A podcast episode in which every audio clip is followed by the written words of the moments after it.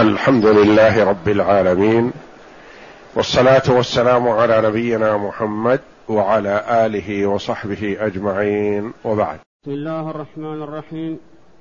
قال المؤلف رحمه الله تعالى وقوله قل إنما حرم ربي الفواحش ما ظهر منها وما بطن والإثم والبغي بغير الحق وأن تشركوا بالله ما لم ينزل به سلطانا وأن تقولوا على الله ما لا تعلمون. هذه الآية الكريمة أوردها شيخ الإسلام ابن تيمية رحمه الله في كتاب العقيدة الواسطية للدلالة على الصفات السلبية أو الصفات المنفية. فالله جل وعلا يخاطب عبده ورسوله محمدا صلى الله عليه وسلم قائلا قل إنما حرم ربي الفواحش ما ظهر منها وما بطن الآية. وهذه الآية الكريمة جاءت بعد قوله تعالى قل من حرم زينة الله التي أخرج لعباده والطيبات من الرزق.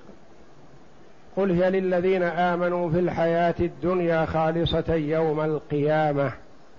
كذلك نفصل الآيات لقوم يعلمون.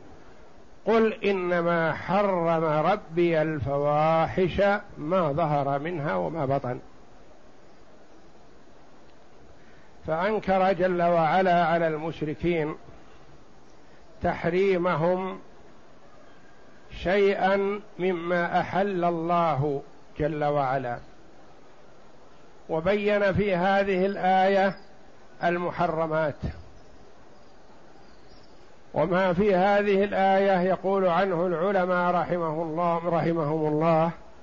هذه الخمس محرمات في الشرائع السماوية كلها في جميع الأديان. قل إنما حرم ربي الفواحش ما ظهر منها وما بطن والإثم والبغي بغير الحق وأن تشركوا بالله ما لم ينزل به سلطانا وأن تقولوا على الله ما لا تعلمون. قال بعض العلماء رتبها ترتيبا تصاعديا يعني كل واحدة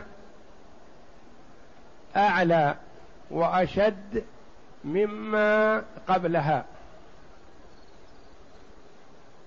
فأعظمها وأشدها جرما القول على الله بلا علم. وأدناها وما فيها دني الفواحش. كلها في منتهى القبح والفحش إلا أن بعضها أشد من بعض. قل إنما حرم ربي الفواحش. الفواحش ما فحش وعظم اثمه قال بعض العلماء هو ما فحش مما فيه لذة. لذة للجسم أو لذة للنفس والروح.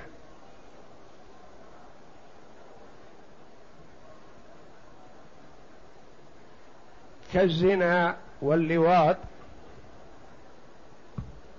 وما فيه لذة للنفس كالكبر. وحب الرياسة بغير حق. ونحو ذلك مما يتعاظم به المرء على من دونه.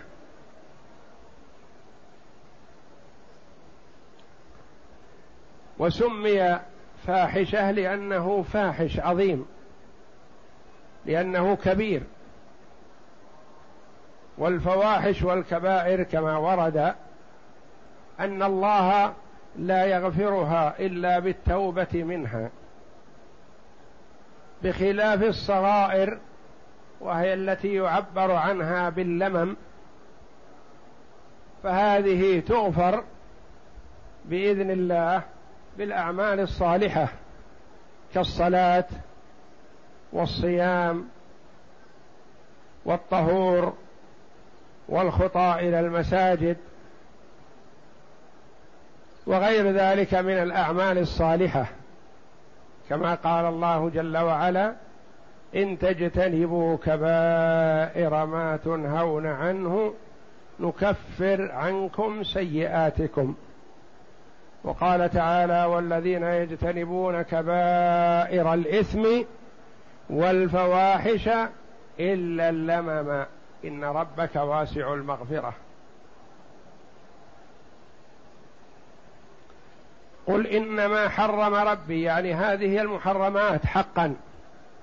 وإنما أداة حصر أو أداة قصر يعني أن ما بعدها هو المحرم حقيقة. قل إنما حرم ربي الفواحش ما ظهر منها وما بطن. ما ظهر منها وما بطن للعلماء رحمهم الله فيها قولان. ما ظهر يعني للناس وما بطن يعني أسره المرء وأخفاه. ليلا لا يعلم عنه. يعني هي نفس الكبيرة هي نفسها.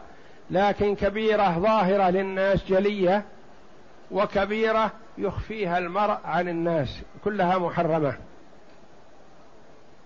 أو أن ما ظهر منها ما تعلق بأفعال الأبدان وما بطن ما تعلق بأفعال القلوب كالكبر والنفاق. والكفر غير المظهر. ما ظهر منها وما بطن والإثم. ما أكسب إثما. وبعض العلماء رحمهم الله يقول المراد بالإثم هنا الخمر. لأنها إثم في ذاتها وتجر إلى جميع الآثام والعياذ بالله. لأن من وقع في الخمر والعياذ بالله ما يتحاشى عن كبيرة من كبائر الذنوب. لأن المرء بدون الخمر قد يقع في كبيرة لكن يتنزه عن كبيرة أخرى. قد يقع في كبيرة الربا والربا كبيرة من كبائر الذنوب ومحاربة لله ولرسوله وجرمه شنيع. لكن يقع في الربا لكن يتحاشى أن يقع في الزنا. أو يتحاشى أن يقع في اللواط. يسرق لكن لا يزني. يزني لكن لا يسرق. يعني كل جريمة وكل كبيرة لها ناس مخصوصون والعياذ بالله. بخلاف الخمر فالواقع في الخمر ما يتحاشى عن شيء. السكران يزني ويقع على أمه ويقع على بنته ويقتل ويسرق ويمكن من نفسه أن يلاط به تفعل به الفاحشة ولا يتحاشى عن شيء. ولهذا سماها النبي صلى الله عليه وسلم أم الخبائث. يعني تجر إلى كل خبيثة من خبائث الإثم وال والمعاصي والكبائر والعياذ بالله. والإثم الثالث البغي بغير الحق. البغي التعدي على على الناس في أموالهم. أو في أعراضهم أو على أبدانهم أو غير ذلك. يعني ظلم الناس. وبعض العلماء فسر الإثم بما يتعلق بحق الله تبارك وتعالى والبغي فيما يتعلق بحق الآدميين والتعدي عليهم. والإثم والبغي بغير الحق بغير الحق هذه صفة تعليلية لأن غير الحق البغي مطلقة كل ما في بغي بحق وبغي بغير حق. لكن هذه صفة تمييزية أو صفة مميزة أو موضحة. لما حرم البغي كأن تقول لما حرم البغي؟ لأنه بغير الحق. تعد بغير حق. والبغي بغير الحق وأن تشركوا بالله. من الكبائر ومن العظائم مما حرم الله جل وعلا الشرك بالله. وهذه والتي بعدها هي الشاهد من إيراد المؤلف رحمه الله للآية تحت هذا الموضوع. الشرك من الصفات السلبية التي ما يجوز لعاقل أن يشرك مع الله غيره. فالعبودية حق الله. ولا يجوز أن يشرك مع الله غيره. وأن تشركوا بالله ما لم ينزل به سلطانا كذلك هذه صفة توضيحية.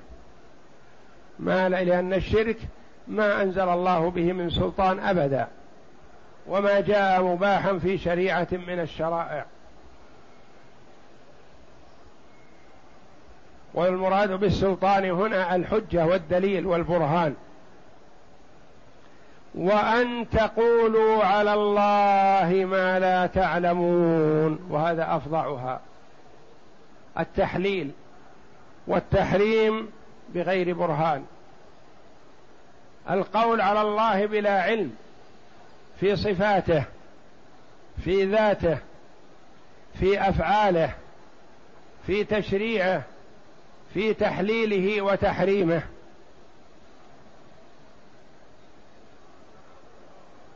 لأن من سلك هذا جعل نفسه كأنه إله فهو أشد من الشرك لأن المشرك عبد الله وعبد معه غيره وهذا حرام. لكن القائل على الله بلا علم نصب نفسه مشرعا. رفع منزل نفسه ومنزلته عن حده وارتفع وجعل جعل نفسه كأنه مشرع كأنه هو إله مع الله تعالى الله. إذا قال على الله بلا علم يعني حرم وحلل ونفى ما أثبته الله أو أثبت ما نفاه الله كأنه جعل نفسه إلها مع الله. ولهذا قال العلماء إن هذه الآثام والكبائر مرتبة فأشدها وأعظمها جرما آخرها القول على الله بلا علم. وهاتان الجملتان هما المقصودتان بإيراد الآية تحت هذا الموضوع الذي هو ذكر شيء من الصفات السلبية. يعني أن الله جل وعلا لا يجوز أن يشرك معه غيره. وأن الله تبارك وتعالى لا يجوز أن يقال عليه بلا علم. وإنما المرء يقول على الله بعلم بموجب الدليل من الكتاب والسنة. نعم يوضح للعباد ما شرعه الله جل وعلا. فهو يقول عن الله بعلم فهو مبلغ عن الله. الرسول صلى الله عليه وسلم مبلغ عن ربه تبارك وتعالى وعلماء هذه الأمة بمثابة أنبياء بني إسرائيل يبلغون عن الرسول صلى الله عليه وسلم ما بلغه للأمة.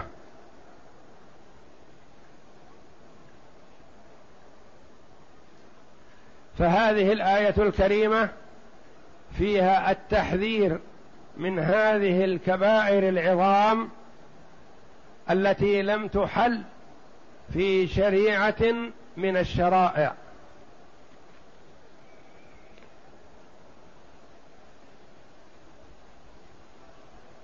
وفيها رد على المشركين الذين حرموا وحللوا من تلقاء أنفسهم ورد على أهل الكتاب الذين اتخذوا أحبارهم ورهبانهم أربابا من دون الله كما فسرها النبي صلى الله عليه وسلم لعدي بن حاتم الطائي رضي الله عنه لما جاء إلى النبي صلى الله عليه وسلم مسلما تلا النبي صلى الله عليه وسلم قوله تبارك وتعالى اتخذوا أحبارهم ورهبانهم أربابا من دون الله. وكان عدي قد تنصر اتخذ النصرانية دينا. فقال يا رسول الله إنا لسنا نعبدهم. ما نعبد الأحبار والرهبان. ما نسجد لهم ولا نصلي لهم. ففسر النبي صلى الله عليه وسلم العبادة لهم بقوله أليسوا يحرمون عليكم ما أحل الله. فتحرمونه ويحلون لكم ما حرم الله. فتحل فتحلونه يحللون لك لكم الحرام ويحرمون عليكم الحرام ويحرمون عليكم الحلال فتطيعونهم. قال بلى. اعترف. قال نعم. إذا قالوا أن هذا حرام لو كان حلال في كتاب الله تجنبناه. إذا قالوا هذا حلال ولو كان حرام في كتاب الله أخذناه. نطيعهم فيها. فقال النبي صلى الله عليه وسلم فتلك عبادتهم. فالقائل على الله جل وعلا بلا علم جعل نفسه إلها مع الله يحلل ويحرم ويقول من تلقاء نفسه. وهذا من أعظم الإثم والعياذ بالله.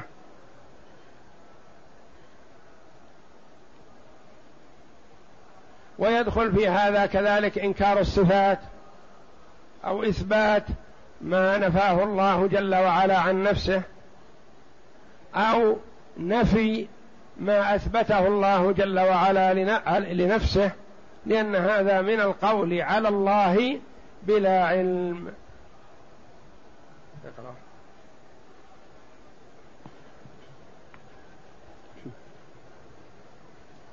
يقول وأما قوله تعالى قل إنما حرم إلى آخر الآية فإنما أداة قصر تفيد اختصاص الأشياء المذكورة بالحرمة فيهم. يقال لها أداة قصر ويقال لها أداة حصر.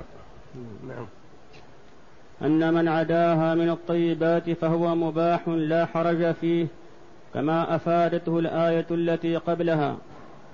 والفواحش جمع فاحشة ما عداها من الطيبات لأن الحرام والخبائث محرمة جملة في قوله جل وعلا الذين يتبعون الرسول النبي الأمي الذي يجدونه عندهم مكتوبا في التوراة والإنجيل يأمرهم بالمعروف وينهاهم عن المنكر ويحل لهم الطيبات ويحرم عليهم الخبائث.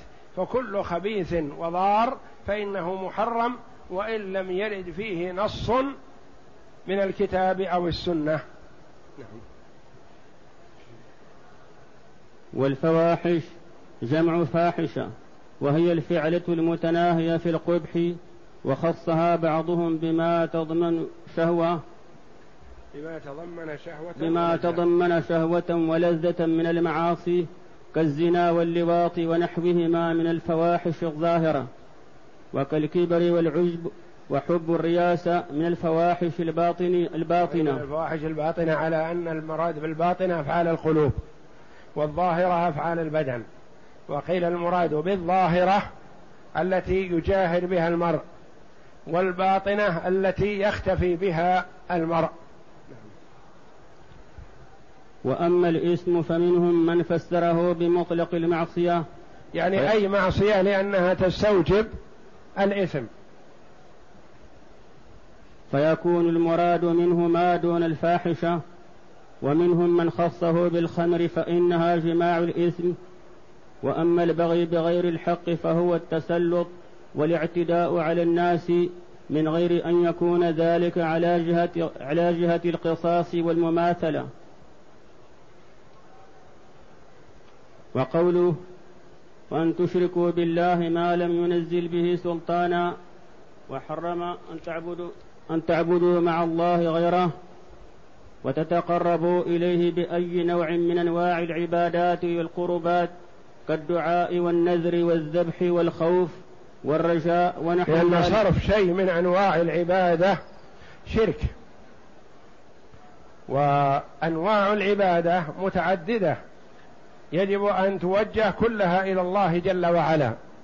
فمن صرف شيئا من أنواع العبادة لغير الله فقد كفر بالله وإن صلى وصام وزعم أنه مسلم. كالنذر مثلا كالذي ينذر لأصحاب القبور هذا شرك أكبر. والدعاء كالذي يدعو صاحب القبر أو يسأله أو يطلب منه أمرا من الأمور هذا شرك أكبر. أو كالذي يخاف من الولي أو السيد ونحوه. خوف رغبة ورهبة. خوف رهبة من أن يوقع به شر وخوف رغبة من أن يرجو أن ينفعه بشيء ما. هذا حق الله وصرفه لغير الله شرك أكبر.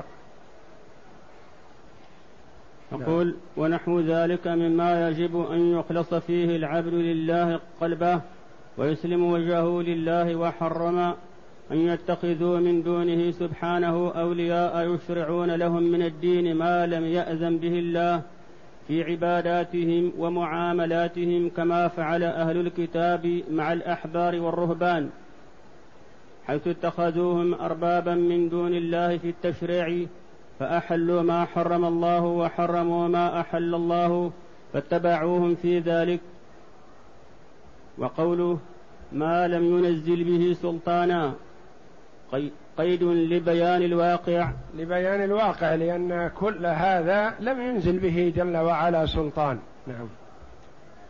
فإن كل ما عبد أو اتبع أو أطيع من دون الله فقد فعل بذلك من غير سلطان. وأما القول على الله بلا علم فهو باب واسع جدا يدخل فيه كل خير عن الله كل خبر عن الله بلا دليل ولا حجة. يعني يخبر عن الله أو يبين حكم ما بينه ما ما جاء عن الله أو يحرم شيئا ما جاء عن الله أو يصف الله جل وعلا بشيء ما ورد في كتابه ولا في سنة رسوله. أو ينفي عن الله جل وعلا ما ورد في كتابه أو ورد في سنة رسوله. وهكذا ولهذا قال فهو باب واسع جدا يشمل التشريع والاعتقاد والأمر والنهي وسائر الأحكام. يقول كنفي ما أثبته أو إثبات ما نفاه أو الإلحاد في آياته بالتحريف والتأويل قال العلامة ابن القيم في كتابه إعلام الموقعين وقد حرم الله القول عليه بغير علم في الفتيا والقضاء وجعله من أعظم المحرمات بل جعله في المرتبة العليا منها. قال تعالى قل إنما حرم ربي الفواحش ما ظهر منها وما بطن فرتب المحرمات أربع مراتب وبدأ بأسهلها وهو الفواحش وثنى بما هو أشد تحريما منه وهو الإثم والظلم ثم ثلث بما هو أعظم تحريما منهما وهو الشرك به سبحانه ثم ربى بما هو أعظم تحريما من ذلك كله هو القول عليه بلا علم وهذا يعم القول عليه سبحانه بلا علم في أسمائه وصفاته وأفعاله وفي دينه وشرعه. والله أعلم وصلى الله وسلم وبارك على عبد ورسول نبينا محمد وعلى آله وصحبه أجمعين.